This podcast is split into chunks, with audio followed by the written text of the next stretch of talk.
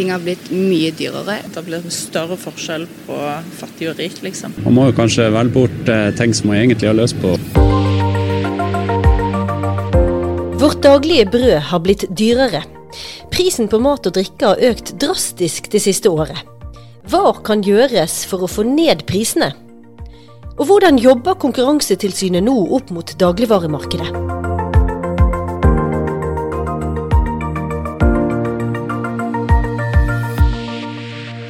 Du hører på Konkurransepodden fra Konkurransetilsynet. Konkurransedirektør Tina Søreide, velkommen til Konkurransepodden. Takk for det.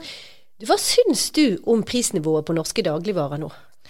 Nei, prisnivået på norske dagligvarer har vært mye høyere enn i andre europeiske land i flere år. Og dette med krig, pandemi og høye strømpriser øker jo prisene ytterligere, i, i Norge så vel som i andre land. Eh, men her hos oss så aktualiserer det på nytt en, en, debatt om hva vi kan gjøre med dagligvaresektoren, enten det handler om konkurranse i markedet, landbruket eller importvernet. Ja, prisene og prisingen til dagligvarekjedene har jo fått enorm oppmerksomhet den siste tiden. og Mange lurer jo på hva er det som skjer? Ja!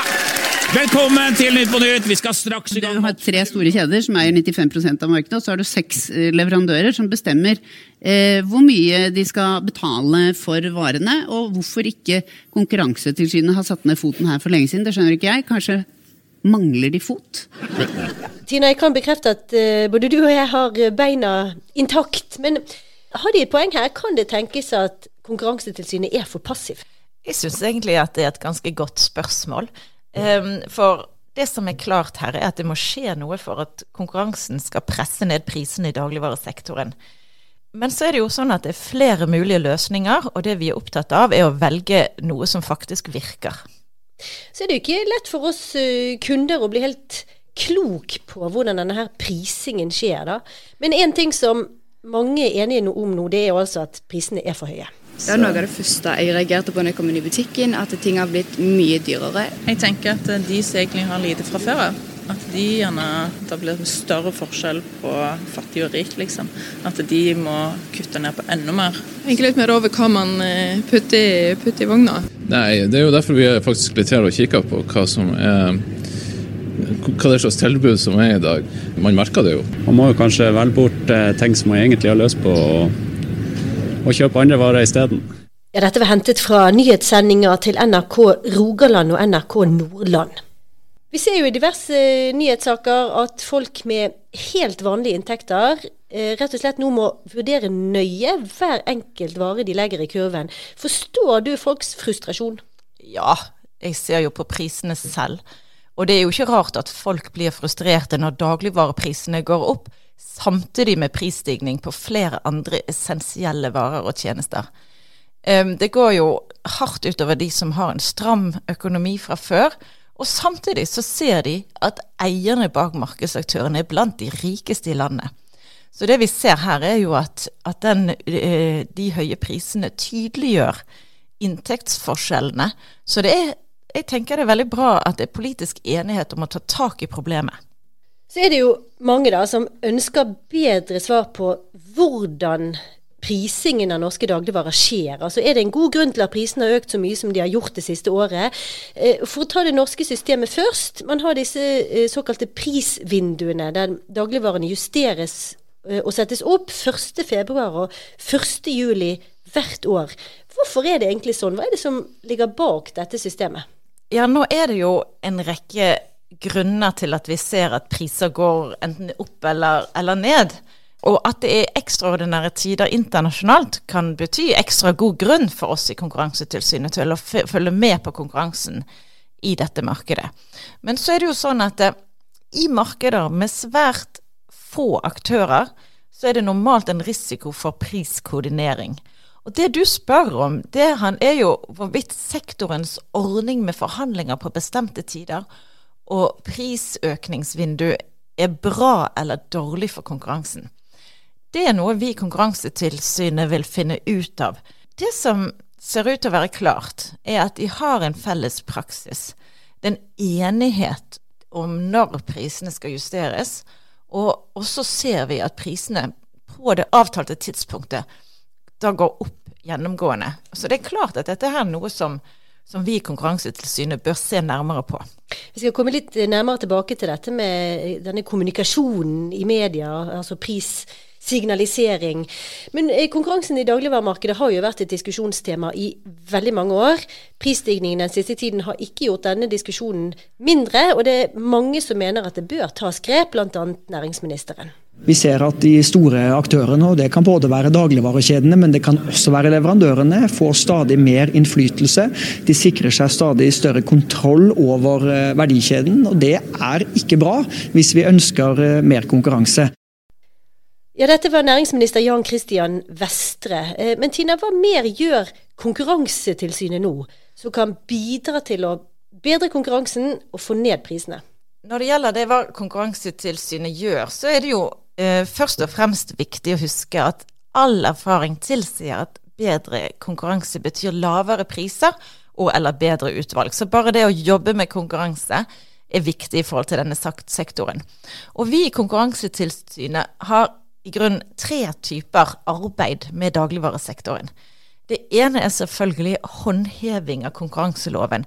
Det handler om å jobbe mot koordinering av priser, men også følge godt med på oppkjøp og, og, og, sammenslåinger, altså det som vi kaller fusjonskontrollen.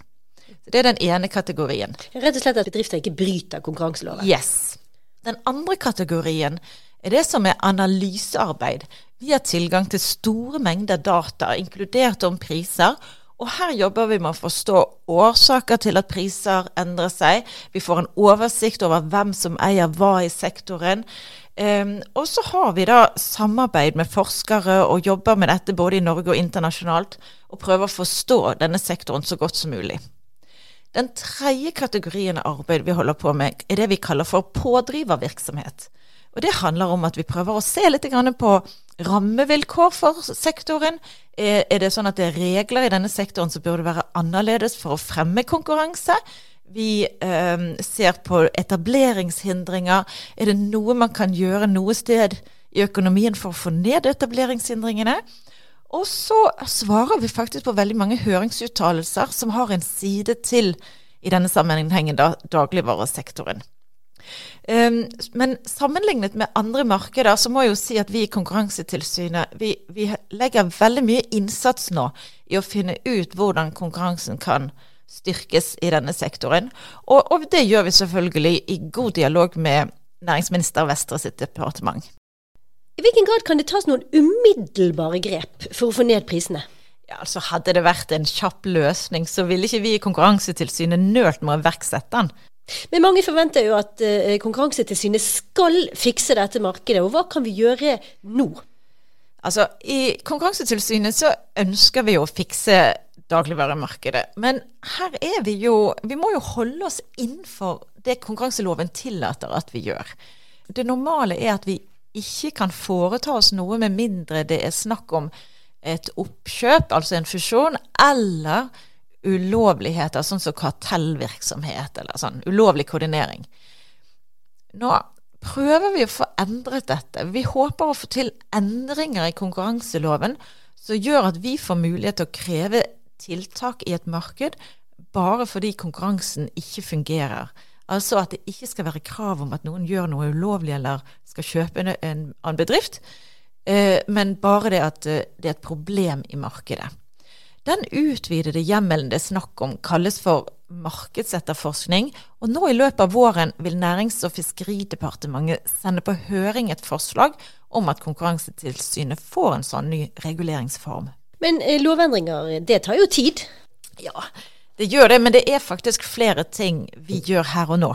Vi har en stor etterforskningssak om priskoordinering mot de tre store dagligvarekjedene, og den har vi jo fordi vi tror det betyr noe vi tror jo at det er et problem i dette markedet som kan gjøres noe med ved hjelp av håndheving. Og I tillegg så har vi jo nå ganske nylig sparket i gang en debatt om importvernet. Eh, Riktignok med fokus på hva vi kan gjøre innenfor de landbrukspolitiske målsetningene. Mm. Vi skal straks høre mer om de ulike eh, delene av Konkurransetilsynets eh, dagligvarearbeid. Men Tina, til slutt, eh, det er ingen tvil om at Konkurransetilsynet har stort trøkk opp mot dagligvaremarkedet. Ja, og så er vi i grunnen bare 100 ansatte her. Eh, vi har ansvar for å overvåke alle markedene. Um, dagligvaresektoren er en prioritert sektor, det er en stor sektor.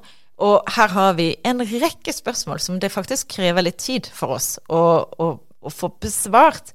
Så vi klarer ikke å gjøre alt på en gang. Vi som andre offentlige instanser må, må gjøre prioriteringer.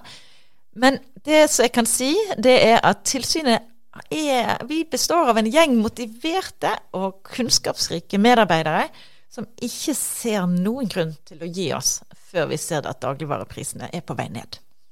Takk skal du ha, konkurransedirektør Tina Søreide. Bare hyggelig. Beate Berrefjord, du er direktør for Konkurransetilsynets avdeling for mat, handel og helse, og leder Konkurransetilsynets dagligvarearbeid. Velkommen i studio. Tusen takk. Dere er nå i gang med møter med ulike dagligvareaktører, både kjeder og leverandører. Noen har selv bedt om det, mens andre er kalt inn. Og du har allerede uttalt deg i klartekst i mediene om at aktører skal holde tett om fremtidige priser. Hva er det som blir tema mer i disse møtene? Der blir tema først og fremst at vi vil oppfordre de til å ikke snakke om priser i media nå. Ja, hvorfor er det så viktig at de ikke gjør det? Altså at de ikke kommuniserer planene sine for eventuelle prisøkninger? Det er fordi at da kan de finne en måte å koordinere seg på. Det er ikke dermed sagt at de gjør det, alltid gjør det, at det er alltid formålet med det de sier. Men i den situasjonen vi er i nå, så tenker vi at det er bra at tilsynet er helt tydelig på at vi mener de ikke skal snakke om fremtidige priser. Men vi mener likevel de kan snakke om priskonkurranse eh, og få mye av det samme budskapet frem på andre måter. Mm. Men eh, så gikk jo f.eks. Kiwi ut i forbindelse med 1.2 og sa at de ikke skulle øke prisene, men ha prisfrys på en rekke varer. Og ikke det bare helt positivt og, og greit for oss kunder at de sier? altså Ut fra et sånn forbrukerperspektiv så kan det jo virke som, for da kan vi planlegge kjøpene våre og vet hva vi har å forholde oss til. Men vi ønsker å kommunisere veldig tydelig at det bare ikke er snakk om fremtidige priser, så er vi helt på den sikre siden. Eh, og så er det også noe med at det kan sies på så mange andre måter. Sant? Altså Man kan si f.eks. at vi kommer til å starte prisrigg på en mengde varer eller andre ting, og så er vi i gang med god konkurranse. Så og, og, og, da sender man også et godt signal til forbrukerne om at vi kommer i hvert fall ikke til å gi oss på pris. Så det beste er egentlig at man sier den type ting, og så ikke akkurat hvilke priser man skal ha. Mm. Forskjeller i innkjøpspriser mellom leverandører og kjeder er et mye omtalt tema i dagligvarebransjen. Og Coop var jo raskt ute og mente at bedre innkjøpsbetingelser er årsaken til at Kiwi kunne fryse prisen og ikke øke prisene 1.2. Hva tenker du om det? Jeg tenker at det at man priser ulikt er et utslag av, konkurranse. Og så tenker jeg at det er veldig viktig at man nå leser gjennom disse høringssvarene som kom til nettopp på den høringen som gjelder regulering av forskjeller i innkjøpspriser, eh, og ta inn over seg det som står der. Eh, slik at jeg er nok uenig med Coop i at man kan eh, se så enkelt på det. det. Men når det gjelder disse prisvinduene, 1. februar og 1. juli. Hva tenker du om denne Det er vel en særnorsk ordning, ikke sant? Det er naturlig for oss nå å se nærmere på hvilken betydning disse prisvinduene kan ha. Og det er jo noe av det vi kommer til å gjøre fremover. Mm. Og prisvinduene, det er rett og slett at eh, prisene fra leverandørene til kjedene justeres disse to gangene i året, da? ikke ja, sant? man har liksom funnet to sånne, hva skal jeg si, samlingspunkt der man, man har disse forhandlingene. Og så eh, er det noen som nå har tatt til orde for at disse må, kan virke konkurransebegrensende, så skal vi se om de faktisk gjør det. Men det kan også være naturlig å se disse vinduene i sammenheng med, med, med annen praksis i markedet, da, for å se om disse eh, ulike praksisene på en måte forsterker hverandre. Som f.eks. det som vi har snakket om, at man gjerne samtidig som disse prisvinduene nærmer seg, også snakker en god del om hva som kommer til å skje, og nøyaktig hvilke priser man ser for seg at man skal ha. Og disse to i kombinasjon kan jo slå ut særlig uheldig da for konkurransen. Det som vi har lyst til å se på nå, er jo ikke nødvendigvis bare om det skulle vært et brudd på reglene, men altså hvilken virkning eh, denne ordningen kan ha i markedet da, på prisene ute for bruker. Ja, flere har gått ut og etterlyst større åpenhet om bl.a. mekanismene rundt prissetting og innkjøpspriser, og hvem som sitter igjen med pengene som vi kunder betaler for dagligvarene. Næringsministeren har sagt at han ønsker en marginstudie for å finne ut hvilket ledd i verdikjeden som tjener på de høye prisene. Det er ikke alle tallene vi forstår, og det kan være grunnlag til å stille spørsmålstegn ved om det er usunne konkurransetilstander som gjør at norske forbrukere betaler mer enn det de burde ha gjort. Beate, hvor viktig er det med tanke på konkurransen å finne ut mer om hvem som sitter igjen med pengene som følge av prisøkningene? Altså det å se på marginene kan i hvert fall kanskje si oss noe om hvor god konkurransen er. Sant? Fordi at Hvis det er veldig veldig høye marginer, så kan det tilsi at man ikke presser nok på pris. Eh, men så er det viktig at et sånt marginstudie gjøres på eh, best mulig måte, sånn at vi får svar på det vi lurer på. Så Derfor eh, er det sånn at vi må bruke litt tid på å finne ut av hva er det vi skal undersøke nøyaktig. Mm. Men eh, Hvorfor er dette så komplisert å finne ut av? Hvorfor kunne det ikke bare vært større åpenhet rundt dette? Altså Prisene er jo et resultat av forhandlinger, og inni de prisene så er det derfor mange ulike komponenter. Og sånn som jeg forstår økonomene, så er det da veldig viktig at vi finner ut av nøyaktig hvordan vi skal gjøre disse undersøkelsene for å sitte igjen med best mulig svar. Hvor problematisk da er det at man i dag vet såpass lite om hvem i verdikjeden som tjener på dagens prisøkninger? Jeg tror det kan være problematisk for hva skal jeg si, menigmann at vi vet så lite, fordi det kan oppleves veldig urettferdig at prisene går opp, og så sitter noen helt åpenbart igjen med veldig stor eh, fortjeneste. Så Derfor tror jeg det er viktig at vi får en viss gjennomsiktighet av hvor pengene blir av. Eh, sånn at vi, det kan også si oss noe om hvor godt konkurransen fungerer. Og så er det klart at i et marked som dagligvaremarkedet, der det er veldig veldig høy eh, omsetning på veldig veldig mange varer, så er det ikke sånn at eh, nødvendigvis marginene trenger å være så fryktelig høye for at inntjeningen skal bli stor. Eh, så det er jo et annet, det annen side av dette her, da. Og så har Konkurransetilsynet tatt opp et annet tiltak som kunne ha bedret konkurransen og gitt norske forbrukere lavere priser, nemlig importvernet. Og Beate, hvordan kan importvernet egentlig justeres uten at det går utover norske bønder? Det er jo det vi har lyst til å finne ut av, da. Fordi at det er bred politisk enighet i Norge om at vi skal ha et importvern. Og Det betyr at egentlig nordmenn vil ha et importvern som beskytter eh, norske bønder. Men en helt eh, klar konsekvens av dette, det er en begrenset konkurranse. Fordi at vi beskytter ikke bare bøndene, vi beskytter også eh, leverandørene og kjedene. Eh, og dette er noe av grunnen til at vi har en begrenset konkurranse i Norge. Jeg vil påstå at det er den høyeste, altså viktigste etableringshindringen i det norske markedet. Mm. Og så tenker vi at tiden er moden for å se er det mulig å gjøre noen justeringer i dette vernet som eh, innebærer at vi kan få litt mer konkurranse på en del varer, eh, hvilket vil gi oss bedre utvalg og trolig også lavere priser samtidig som vi passer på uh, at vi har uh, et norsk landbruk, han har sagt. Ja, Så har vi jo lest flere nyhetssaker i det siste om enkelte leverandørers posisjon i dagligvaremarkedet. Og er det en konsekvens av det importvernet vi har i Norge i dag? Ja, vi mener det. At både leverandører og kjeder de beskyttes av dette importvernet. For det gjør det vanskeligere for utenlandske aktører å komme inn, det være seg leverandører eller kjeder. Og det blir vanskeligere for utenlandske kjeder å ta med seg hva skal jeg si, sine leverandører. Så ja, importvernet tillater norske aktører å vokse seg ganske store i et konsentrert marked. At flere utenlandske leverandører hadde sluppet til i det norske dagligvaremarkedet, ville ført til bedre utvalg for oss kunder, rett og slett. Vi hadde hatt mer å velge mellom, og dermed kanskje også lavere priser når vi skulle ut og kjøpe enten det ene eller det andre. Ja, det er vår vurdering. Og hvis vi sammenligner oss da med Sverige og Danmark, som vi jo gjerne gjør, så er det jo det vi ser der. Altså at der har de et helt annet utvalg fra langt flere leverandører. Og da har du også det at flere leverandører vil presse på pris, sånn at prisene går ned. Mm. Men, men, og, ja. men har ikke alle land et importvern? Hva er det som kjennetegner det norske? Vi har et særnorsk importvern. Jeg tror Sveits har et tilsvarende. Eh, med veldig høye tollsatser. Eh, og det skiller oss fra f.eks. Sverige og Danmark, der de ikke har det der. Det, de opplever helt annet, et helt annet konkurransetrykk fra både utenlandske leverandører og kjeder, og det disiplinerer da de nasjonale aktørene. Eh, Så det at selv om det kan være store nasjonale kjeder og leverandører der òg, så er de redde for utenlandsk konkurranse på en helt annen måte enn det norske aktører trenger å være. Mm.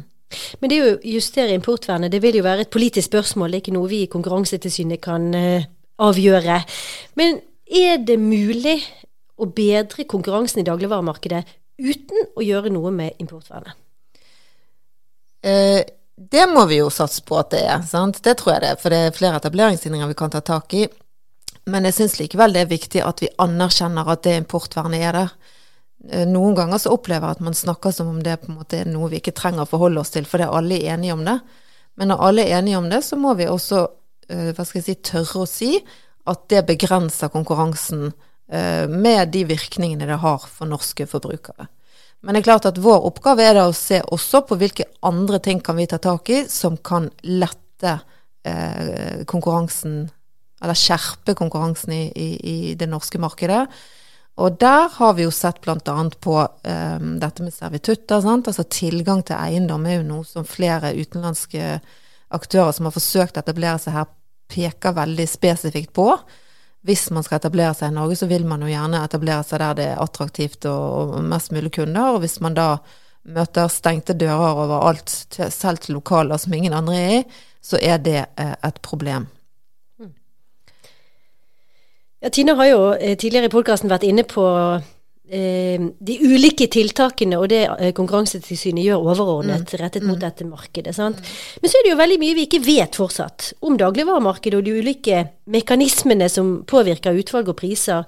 Du har vært inne på marginstudiet. Hvilke flere utredninger er det vi i Konkurransetilsynet ønsker, og hva er eventuelt på gang? Nei, Nå bruker vi en god del tid på å følge opp Stortingets vedtak. Det knytter seg både til eh, egne merkevarer, eh, dette med at man skal ha best mulig tilgang til eh, lokaler, at ikke kjedene kan eh, bruke eksklusivavtaler og negative servitutter til å hindre andre tilgang til, eh, til butikklokaler. Eh, og så er det selvfølgelig arbeidet med eh, forskrift som, som går på forskjeller i innkjøpspriser. Ja, og Der har jo tilsynet tatt et ganske klart standpunkt mot et forbud. Det stemmer. Eh, Og hvis man leser disse høringssvarene, så vil jo fremgå der at det er vi på ingen måter alene om. Et samlet fagmiljø, med unntak av de som, som har uttalt seg på vegne av Rema eh, og Oda, eh, og eh, svært mange andre høringsinstanser, er jo veldig skeptiske til konsekvensen av en sånn forskrift. Og det går særlig på at prisene vil gå opp. Så har ikke Konkurransetilsynet noen annen agenda enn å få tilbudet til forbrukerne bedre. Nei, altså hadde vi tenkt at dette ville være en måte å få prisene ned på, så hadde vi jo vært veldig positive. Hvorfor skulle vi ikke ha vært det? Så når vi er skeptiske, så er det fordi at vi i likhet med eh, veldig mange andre, og særlig da fagfolk, tror at sannsynligheten for at prisene går opp, er stor. Og da kan vi ikke tilrå dette. Vi tror ikke at denne eh, forskriften, sånn som den er foreslått, vil eh, hjelpe norske forbrukere, og ei heller senke etableringshindringene for nye, små aktører. Men Beate, så er det jo også en velkjent sak at Konkurransetilsynet har varslet gebyrer på eh, til sammen eh, 21 milliarder kroner til Norgesgruppen, Coop og Rema for ulovlig prissamarbeid. I det som mediene i hvert fall kaller prisjegersaken. Og denne saken er jo ikke endelig. Hva kan du si om status for etterforskningen? Altså, våre saker de foregår på en sånn måte at først så sender man et varsel, eh, og så får man tilsvar på det varselet. Og der er vi nå, at kjedene har gitt sine tilsvar som vi sitter og vurderer. Og så lenge den saken ikke er lagt bort, så må man legge til grunn at vi arbeider mot et vedtak. Eh, Men det kan skje at vi før den tid finner at det ikke er grunnlag for et vedtak. De prosessene tar nødvendigvis tid. Eh, Det er tre store aktører, det er lange tilsvar. eh, Man får gjerne også andre typer innspill i disse prosessene. Eh, Og som du sier, det er snakk om store gebyrer, så det er klart at skal vi først fatte et vedtak, så vil vi være sikre på at, at det vi gjør er riktig. Men nå tar tilsynet sikte på å være ferdig med den saken. Vi har tatt sikte på å være ferdig innen året, i hvert fall. Høye matpriser og, begrenset konkurranse i dagligvaremarkedet er jo et tema som i høyeste grad, som vi har vært inne på, opptar norske politikere. Og det har vært en rekke forslag fra politisk hold om hva som bør gjøres. I regjeringens tipunktliste som ble kjent eh, forrige uke, så foreslår de å senke terskelen for når en aktør er markedsledende. Eh, og fra politisk hold så er det også noen som har foreslått å splitte opp selskaper i dagligvaremarkedet. Har Konkurransetilsynet en formening om disse forslagene her og nå? Nei, altså Vi har jo selvfølgelig fått med oss den listen, og vi har også fått et supplerende tildelingsbrev. Og så må vi bruke noe tid på å se på dette. Eh, det er viktig for oss at når vi kommuniserer noe ut, så, så er det gjennomtenkt. Men det er klart at vi kommer til å følge dette opp. Mm. Bjarte, jeg må stille deg også spørsmålet. Nå svarte Tina på det i sted. Men kan det tenkes at det fins en eller annen hurtigløsning for å få ned prisene som ingen har tenkt på? Nei, Beklager, altså. Det, det, jeg tror ikke det. Det må i så fall være at kjedene bestemmer seg for å konkurrere enda hardere. Um, hvis de kan det. Det er jo flere som litt oppgitt gjennom mediene har gitt uttrykk for at konkurransen i dagligvaremarkedet har vært debattert i flere tiår, men vi ser ikke ut til å komme noen vei. Hvorfor er det annerledes nå, tenker du? Nei, Nå virker det som flere med oss uh, er interessert i å se nærmere på om det kan gjøres justeringer i importvernet. Og det tror jeg er noe som har tvunget seg frem, kanskje fordi at man, uh, man ser at prisene nå er, er veldig høye. Og så uh, er det jo sånn at nå er, lever vi i en tid der prisene på veldig mange livsviktige varer og tjenester går opp. Og det tror jeg kanskje også skjerper debatten. Og så håper jeg at det òg skjerper konkurransen mellom aktørene, og at de gjør virkelig hva de kan for å presse prisene ned. Det fortjener norske forbrukere nå. Takk skal du ha, Beate Bærefjord. Når matvareprisene er så høye at folk med helt vanlige inntekter må begrense innkjøpet, kan ikke myndighetene bare regulere prisene. Hvorfor det er en dårlig idé å sette i verk pristiltaksloven, får du høre i neste episode av Konkurransepodden. Med all sannsynlighet så vil det ha ført til knapphet på varer. Resultatet blir veldig fort uh, tomme butikkhyller. og Det har man sett mange ganger når uh, priser har vært regulert uh, på den måten. Du har hørt på Konkurransepodden, en podkast fra Konkurransetilsynet. Jeg heter Siri Løken og jobber i tilsynets kommunikasjonsstab. Flere nyheter fra Konkurransetilsynet finner du på nettsidene våre. Følg oss også på Facebook, LinkedIn og Twitter.